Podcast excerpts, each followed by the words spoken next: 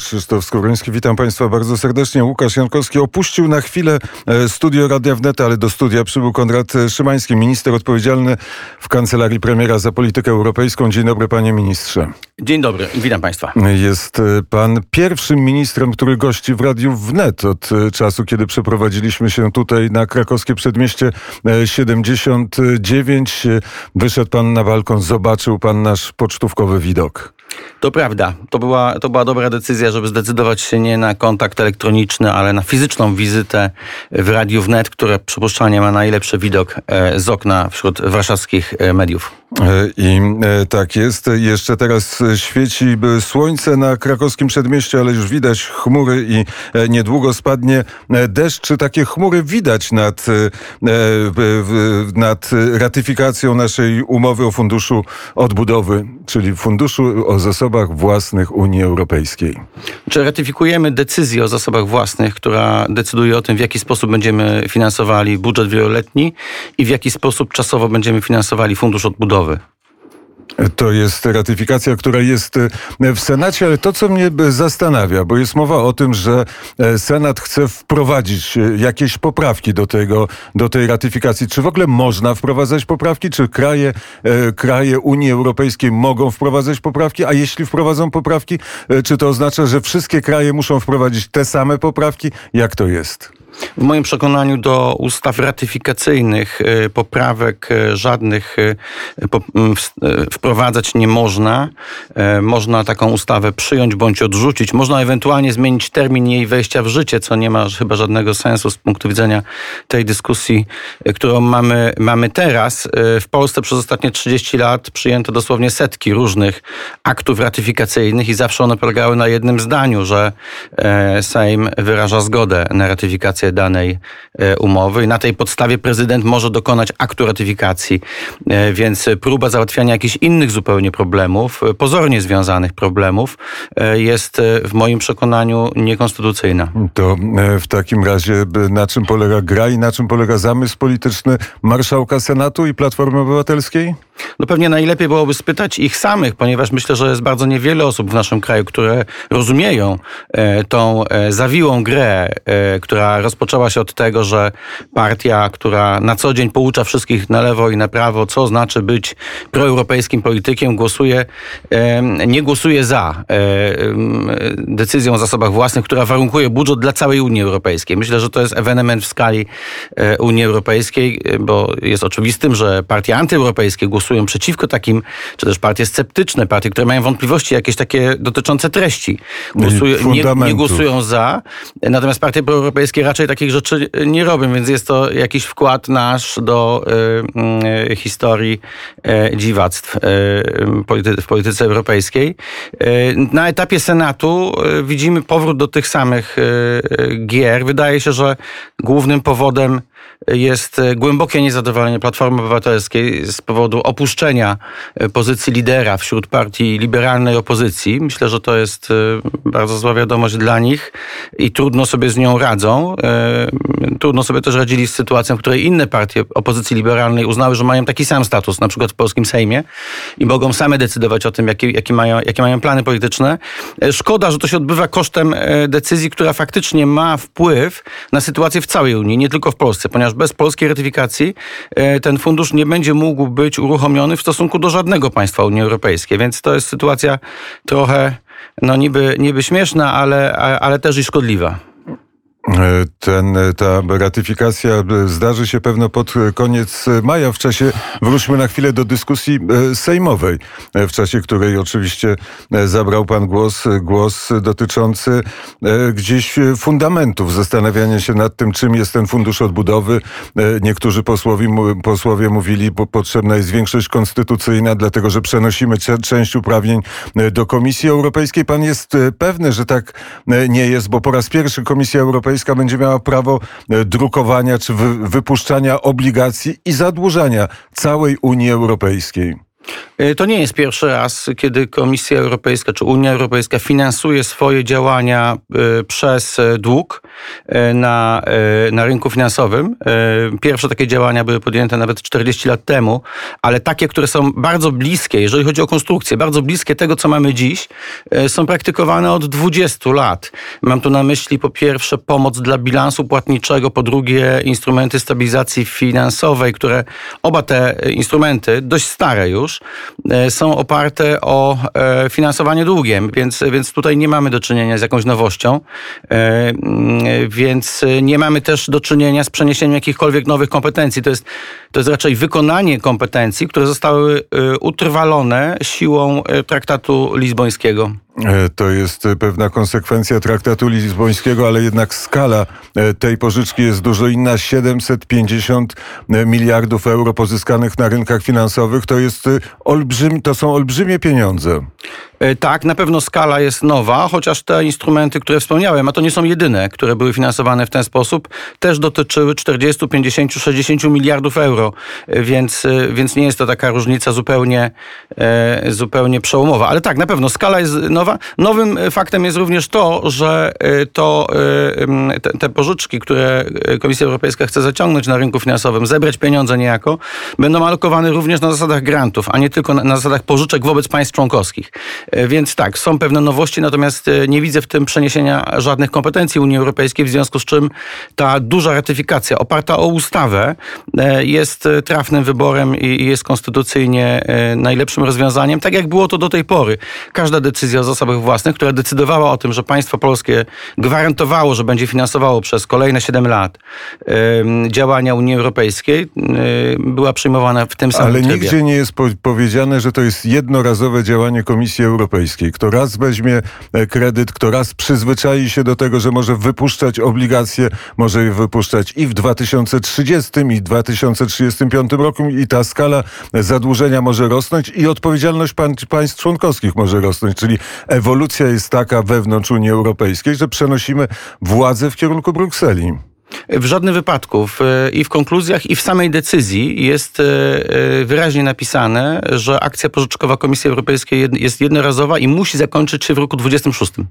E, i e, spłata w 2058, a kiedy zastanawiam... No, na tym polega każdy kredyt, że kumulujemy pieniądze, które są nam potrzebne dzisiaj na odbudowę dziś, natomiast spłacamy później po to, żeby nie odczuwać ciężaru tego, e, Pierwsze... tego obciążenia od razu, więc, więc to jest sama natura finansowania kredytem. Natomiast chciałbym bardzo jasno podkreślić, to jest działanie jednorazowe. Ta decyzja, którą dzisiaj mamy ratyfikować, dotyczy jednorazowego działania, które musi skończyć się w mm, roku 26. Później Komisja Komisja Europejska już nie może pożyczać na rynku, chyba, że będzie miała inną, e, nową decyzję, ale tutaj się wypowie, wypowiedzą wszystkie państwa. Ale... Więc nie ma takiego ryzyka, że, e, że dług będzie w nieskończoność trwał. E, może to jest naiwne pytanie, ale zastanawiałem się nad tym, jakie rynki finansowe i kto może kupić takie obligacje, bo Amerykanie zadłużają się na potęgę, kraje Unii Europejskiej właściwie wszystkie są zadłużone. Czas pandemii też pozwolił krajom europejskim na budowanie swoich własnych tarcz kto na tym świecie ma pieniądze i kto może je wydać e, i wydać 750 miliardów, żeby pożyczyć Unii Europejskiej? No, wszystko wskazuje na to, że Komisja Europejska, Unia Europejska, jej budżet oparty o umowę międzynarodową, bo ta decyzja to tak naprawdę jest umowa międzynarodowa między państwami członkowskimi, czysto międzyrządowy poniekąd mechanizm, nie, nie wspólnotowy. Unia Europejska jest traktowana przez rynki finansowe jako bardzo wiarygodny partner. I trudno, żeby było inaczej, szczerze mówiąc, e, ponieważ e, mimo zadłużenia poszczególnych państw e, mamy również do czynienia z olbrzymim majątkiem i olbrzymią skalą gospodarki tych wszystkich państw, które są zazwyczaj bardzo bogate, mimo swojego długu.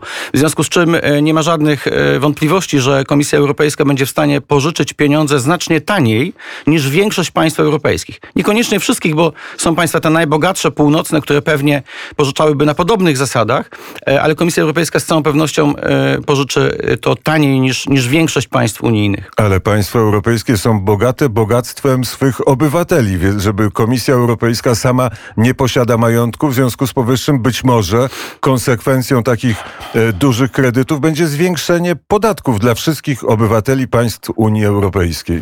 No jeżeli ktoś zwiększy podatki, to tylko i wyłącznie za pomocą decyzji krajowych. To są kompetencje narodowe, które, które takimi pozostają. E, czy Włochy, czy Polska, czy Niemcy mogą ze swoimi podatkami robić co chcą.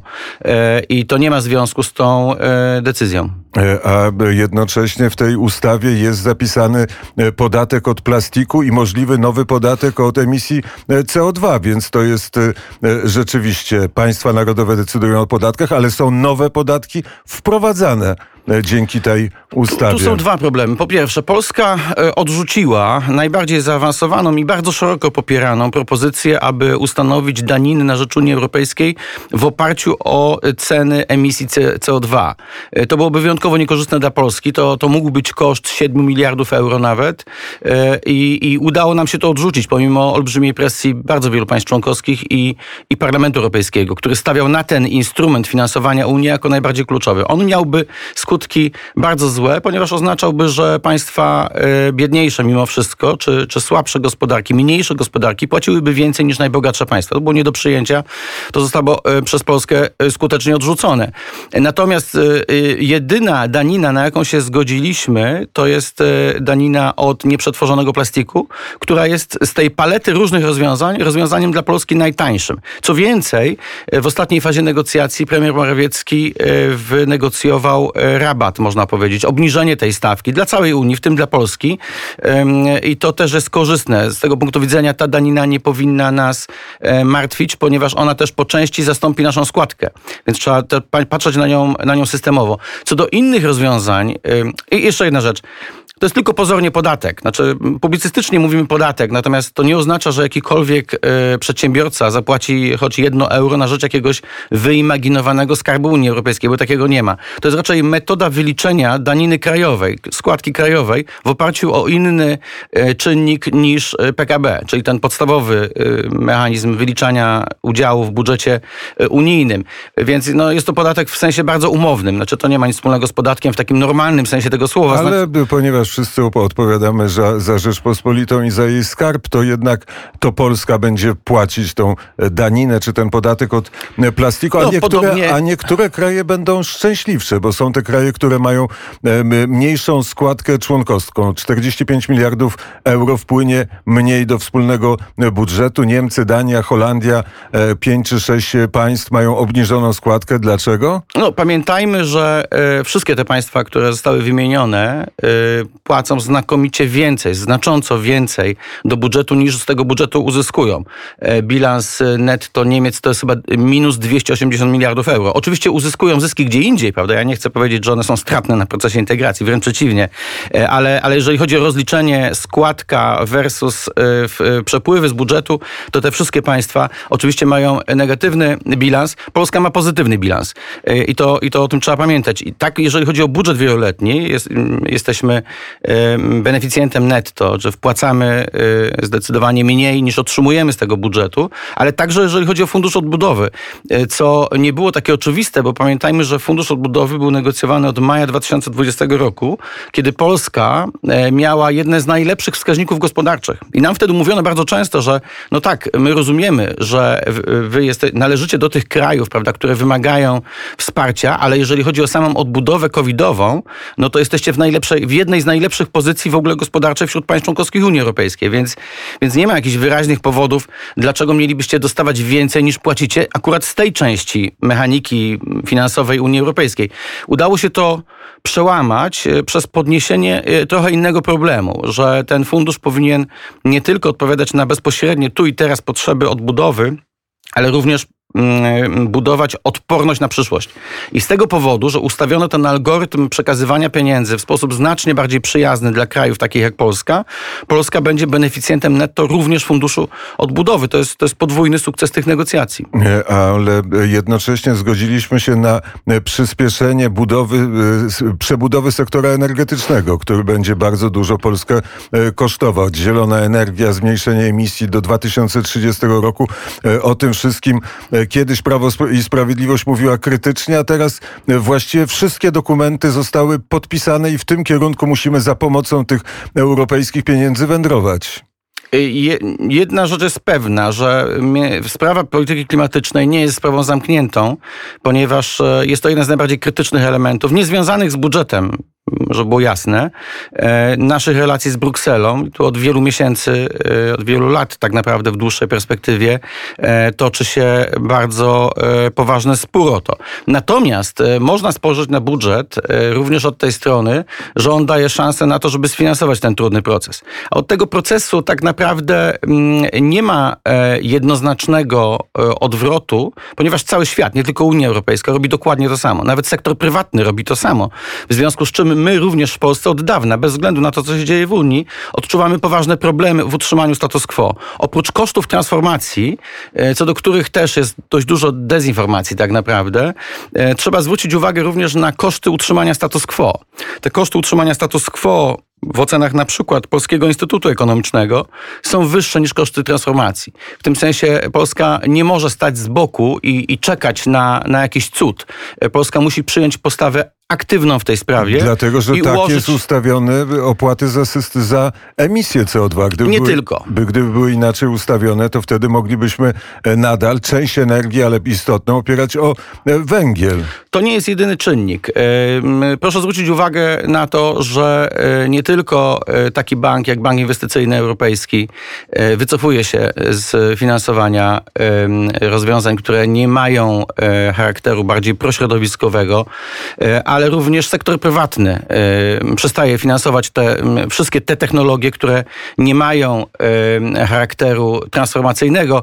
Więc krótko mówiąc, utrzymanie status quo, cokolwiek o tym sądzimy, to jest osobna sprawa, y, jest niemożliwe. I to, co jest możliwe i to, co zostało zaproponowane przez ministra Kurtykę, to wyznaczenie polskiego scenariusza transformacji. To jest piekielnie trudne oczywiście, ale w moim przekonaniu założenia polityki energetycznej są bardzo dobrą podstawą dla takiego polskiego scenariusza, który by minimalizował koszty koszty, który by angażował pieniądze spoza polskiego budżetu e, i w efekcie dawał nam bezpieczeństwo energetyczne oparte o nowy miks energetyczny. E, to jest e, właściwie temat na, na inną rozmowę. Bezpieczeństwo energetyczne Polski, a teraz przejdźmy do Krajowego Planu Odbudowy. To jest dokument, który jest teraz w rękach Komisji Europejskiej. Już rozpoczęły się negocjacje.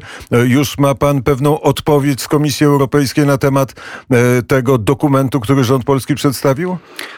Ministerstwo Funduszy prowadzi e, nie, nie od początku maja, a od, od kilku miesięcy rozmowy na ten temat. Przygotowania trwały znacznie, znacznie dłużej. E, każdy element pieniędzy, transferów europejskich jest obwarowany pe pewnymi warunkami, zasadami e, ich wydatkowania. Zasadniczy ten podstawowy budżet wieloletni, z którego jesteśmy, jak sądzę, zadowoleni przez ostatnie 15 lat, również przedstawia bardzo wiele różnych zasad. Polska pod tym względem wypadała zawsze bardzo dobrze nie tylko pod względem e, ochrony tego budżetu przed malwersacjami, ale również pod względem wykorzystywania tych szans, które tam są zapisane. Oczywiście to nie oznacza, że budżet wieloletni można wydawać na co się chce na, na jakiekolwiek e, rozwiązania. Natomiast i w budżecie wieloletnim, i w Funduszu Odbudowy są takie rzeczy, e, które można bardzo łatwo powiązać z naszymi własnymi autonomicznymi interesami, autonomicznymi planami rozwoju. Myślę, że za chwilę będziemy wiedzieli więcej na ten temat publicznie wraz z ogłoszeniem Nowego Ładu, który, który jest, myślę, bardzo silnie synergiczny w stosunku do, do wielu elementów finansowania, także unijnego. Nie tylko oczywiście, bo też nie chciałem, żebyśmy sprowadzali całość polskiego rozwoju tylko i wyłącznie do transferów bezpośrednich z Unii. To już dawno nie jest prawda. No ale one odgrywają istotną rolę.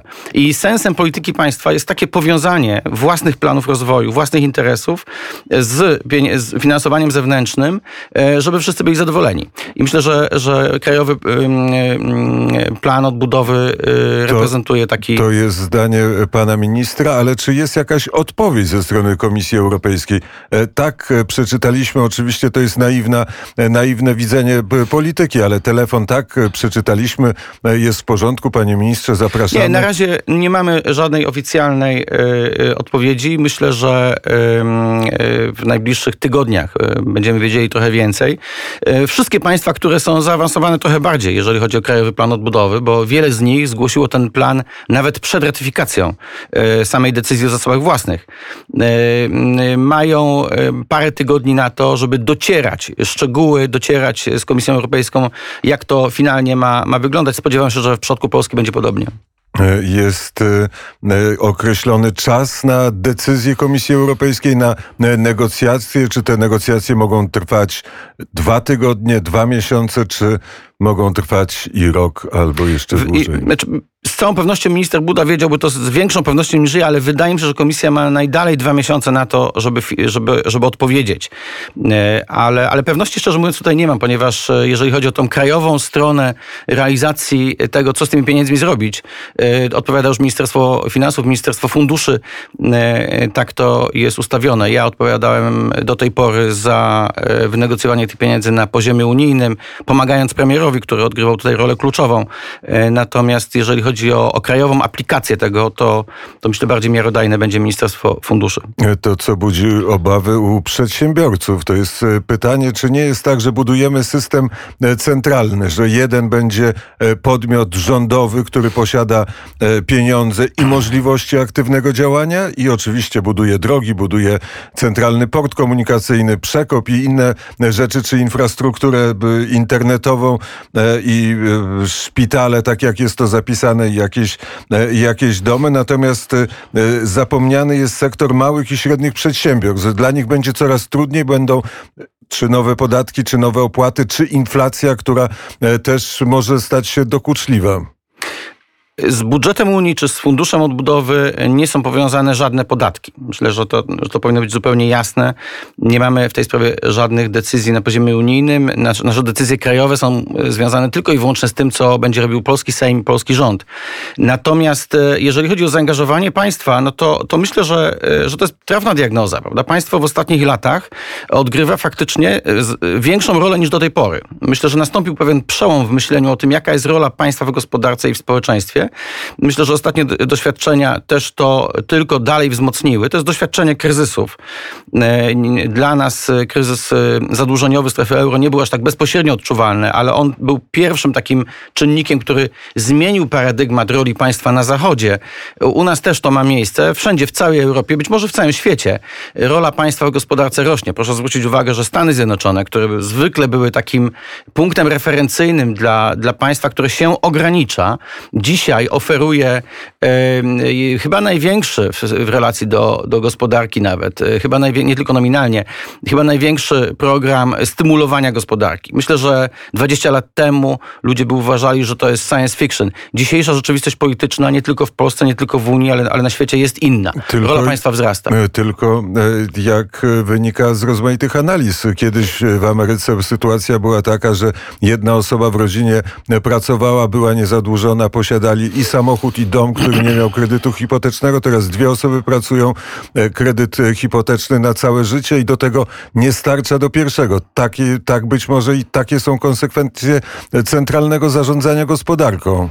Nie wiem skąd się to dokładnie wzięło. Myślę, że sektor bankowy miałby tutaj coś do powiedzenia, w jaki sposób się e, społeczeństwo amerykańskie stało społeczeństwem tak bardzo zadłużonym.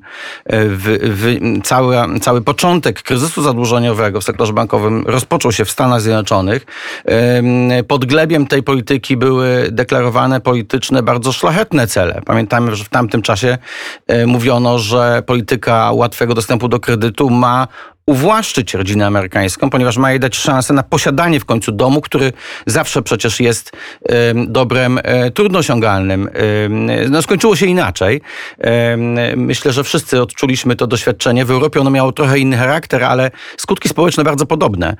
Że nagle obudziliśmy się w sytuacji, w której straciliśmy pewność, że nasz dobrobyt będzie trwał. Znaczy nasz polski to, to jest oddzielna sprawa. My jesteśmy przyzwyczajeni do dużo wyższego poziomu ryzyka, bo pamiętamy e, znacznie gorsze czasy, kiedy ten ten Zachód właśnie był w tym stanie, o którym pan redaktor mówił, prawda? Pełnego bezpieczeństwa, e, umiarkowanego zaangażowania, aktywizacji e, zawodowej a, i jakiejś stabilizacji, prawda, ogólnej. E, myślę, że na Zachodzie społeczeństwa straciły to, to poczucie i to jest powód zmian też politycznych. W Polsce ta sytuacja wygląda trochę inaczej. To wróćmy jeszcze do funduszu e, odbudowy na chwilę i na zakończenie. E, nie obawia się pan tego miecza, który wisi e, nad Polską i nad Węgrami, czyli, czyli praworządności, która nagle zostanie, brak praworządności który, i przestrzegania zasad i wartości Unii Europejskiej zostanie odmrożony. Parlament Europejski zażąda, Komisja Europejska przeprowadzi TSUE, wyda odpowiedni wyrok. Nie boi się pan tego, że te pieniądze będą źródłem szantażowania Polski? Bez względu na to, y, czy mówimy o tym budżecie, czy o innym, y, te, taki, taki związek mógł zaistnieć y, zawsze. Natomiast jedno, co do jednego jestem zupełnie pewien. Zrobiliśmy wszystko, aby ograniczyć negatywne, ryzykowne aspekty stosowania tego prawa. Gdyby to zależało od Parlamentu Europejskiego, to, to, to podzielałbym obawy, ponieważ Parlament Europejski, w szczególności ostatniej kadencji, w zasadzie nie odczuwa żadnych ograniczeń, jeżeli chodzi o język, o sposób komentowania polityki państw członkowskich, o sposób reakcji na, na sytuację wewnętrzną w Unii. To jest według mnie bardzo szkodliwe. Ten e, spadek zaufania do Unii, który obserwujemy e, w Polsce, myślę, że jest dużą zasługą wielu krzykliwych polityków Parlamentu Europejskiego. Na szczęście jest, jest trochę inaczej. Rozporządzenie jest w rękach Komisji Europejskiej, która sama zobowiązała się, aby stosować to rozporządzenie zgodnie z regułami, które ustaliliśmy w grudniu, czyli regułami, myślę, bardzo transparentnymi, bardzo czystymi. Jeżeli gdzieś jest problem e, korupcyjny, braku kontroli nad budżetem, malwersacji, to oczywiście my nie mamy nic przeciwko temu, żeby Komisja Europejska, tak jak do tej Ale pory zresztą, jest polityka i w polityce jest prawo e, silniejszego, a nie prawo. No tak, ale tutaj mówimy o prawie i mówimy o, o, o zapisach dotyczących stosowania, pod, podkreślam, stosowania tego, tego rozporządzenia w taki sposób, że sam, nawet sam fakt stwierdzenia naruszenia zasady praworządności, cokolwiek miałoby to znaczyć, bo to jest niezwykle nieostre sformułowanie swoją drogą, jak wiemy z ostatnich lat, pod to można podpinać bardzo różne rzeczy, że sam fakt stwierdzenia rozporządz- y, naruszenia praworządności nie upoważnia do stosowania tego rozporządzenia. Komisja Europejska się pod tym podpisała. Mam nadzieję, że, że w dobrej wierze, mam nadzieję, że poważnie traktujemy się wzajemnie e, i że będziemy stosowali to prawo, które co do całej reszty jest jak najbardziej potrzebne, ponieważ no, ochrona pieniędzy publicznych jest rzeczą jak najbardziej słuszną. Natomiast e, te ryzyka, które były w tym rozporządzeniu wyraźnie zapisane i intencja, na, na pewno intencja parlamentu, prawda, żeby je rozszczelniać, żeby definicje wprowadzać wieloznaczne, myślę, że one e, że właściwa odpowiedź została dana w grudniu, gdzie wyraźnie poka- pokazaliśmy i uznaliśmy wszyscy, wszystkie państwa, ale także Komisja Europejska, Europejska, że trzeba udowodnić y, związek tego naruszenia ze szkodą finansową y, Unii Europejskiej. Myślę, że przez ostatnie pięć lat, kiedy prowadzimy dość otwarty, dość rozogniony czasami konflikt do tą sprawę, nikt nie był w stanie wskazać, czy ma to jakikolwiek negatywny związek z pieniędzmi unijnymi. Wręcz przeciwnie, Polska ma wyższe standardy ochrony tych pieniędzy niż Unia Europejska. I, I, tak zostanie, ponieważ my jesteśmy partią antykorupcyjną co do zasady. Więc e, myślę, że nie damy pretekstu nikomu, e, żeby tego rozporządzenia używał. E, czasami mam wrażenie, że są dwa światy. Jeden świat to jest ten, w którym żyjemy, drugi świat to jest świat Unii Europejskiej i polityków Unii Europejskiej. Tutaj dam przykład. Prezydent Macron 9 maja mówił, jak zbudować silną Unię Europejską, jak przywrócić z powrotem przemysł wewnątrz Unii Europejskiej, że to są nasze zadania. Z drugiej strony, kiedy wraca do Paryża, e, ma list generałów i list e, żołnierzy, którzy napisali, e, panie prezydencie, grozi nam wojna domowa, tak? Ulica mówi co innego, czy w Rzymie, czy w Paryżu, czy w innych miastach europejskich, a politycy a politykom się wydaje, że tym sterują wszyscy. No zależy którym politykom, prawda? Yy, oczywiście, że przez ostatnie 10 lat my tego nie zauważyliśmy tak bezpośrednio, bo kryzys strefy euro nie był bezpośrednim naszym doświadczeniem, więc oglądaliśmy to w charakterze wiadomości, prawda, ze świata ludzi bardzo bogatych, którzy coś tam się im nie podoba, prawda? Wydawało nam się, ja pamiętam atmosferę tych roku 2008, 2009, 10, gdzie wydawało nam się, że to są jakieś sztuczne problemy.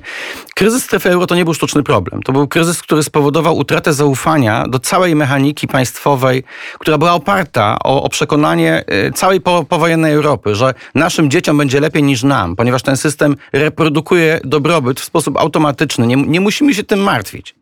No, 2009 rok według mnie był, był kluczowy, jeżeli chodzi o postawienie przynajmniej znaku zapytania czy aby na pewno. Prawda? Dzisiaj bardzo wielu ludzi, w szczególności na Zachodzie, w szczególności w strefie euro, w szczególności na południu tej strefy, ma przekonanie, że z całą pewnością ten system nie gwarantuje dobrobytu naszym dzieciom. I to powoduje olbrzymie wstrząsy polityczne, to powoduje e, takie reakcje, jak przytoczone reakcje we Francji. Na to się nałożył kryzys migracyjny, który też podważył zaufanie. Czy aby na pewno kontrolujemy rozwój naszych społeczeństw, naszą przyszłość. A ludzie tego chcą. E, chcą mieć poczucie przynajmniej, że kontrolują swoją najbliższą przyszłość że mają wpływ na tą przyszłość. E, To jest, to jest olbrzymi problem. E, My e, no, kryzysu strefy euro nie musieliśmy odczuwać na własnej skórze. Kry- Przed kryzysem migracyjnym się wybroniliśmy przez to, że nie weszliśmy w ten, w ten mechanizm, który reprodukuje te problemy. E, I mam nadzieję, że ta polska ścieżka obecności w Unii Europejskiej pozostanie, ponieważ e, cała, całe, to, całe to członkostwo przynosi olbrzymie korzyści. Natomiast trzeba uważać, żeby, nie, żeby głupio nie powtarzać cudzych błędów.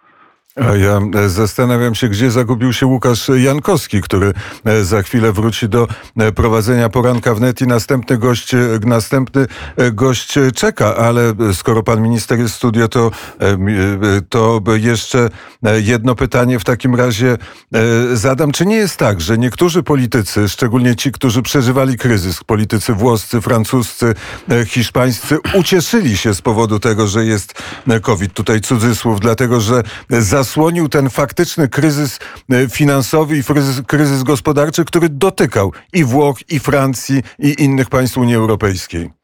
No, nie wiem, nie spotkałem się z taką postawą, aczkolwiek myślę, że takimi rzeczami, takimi e, spostrzeżeniami nikt się chętnie nie dzieli publicznie.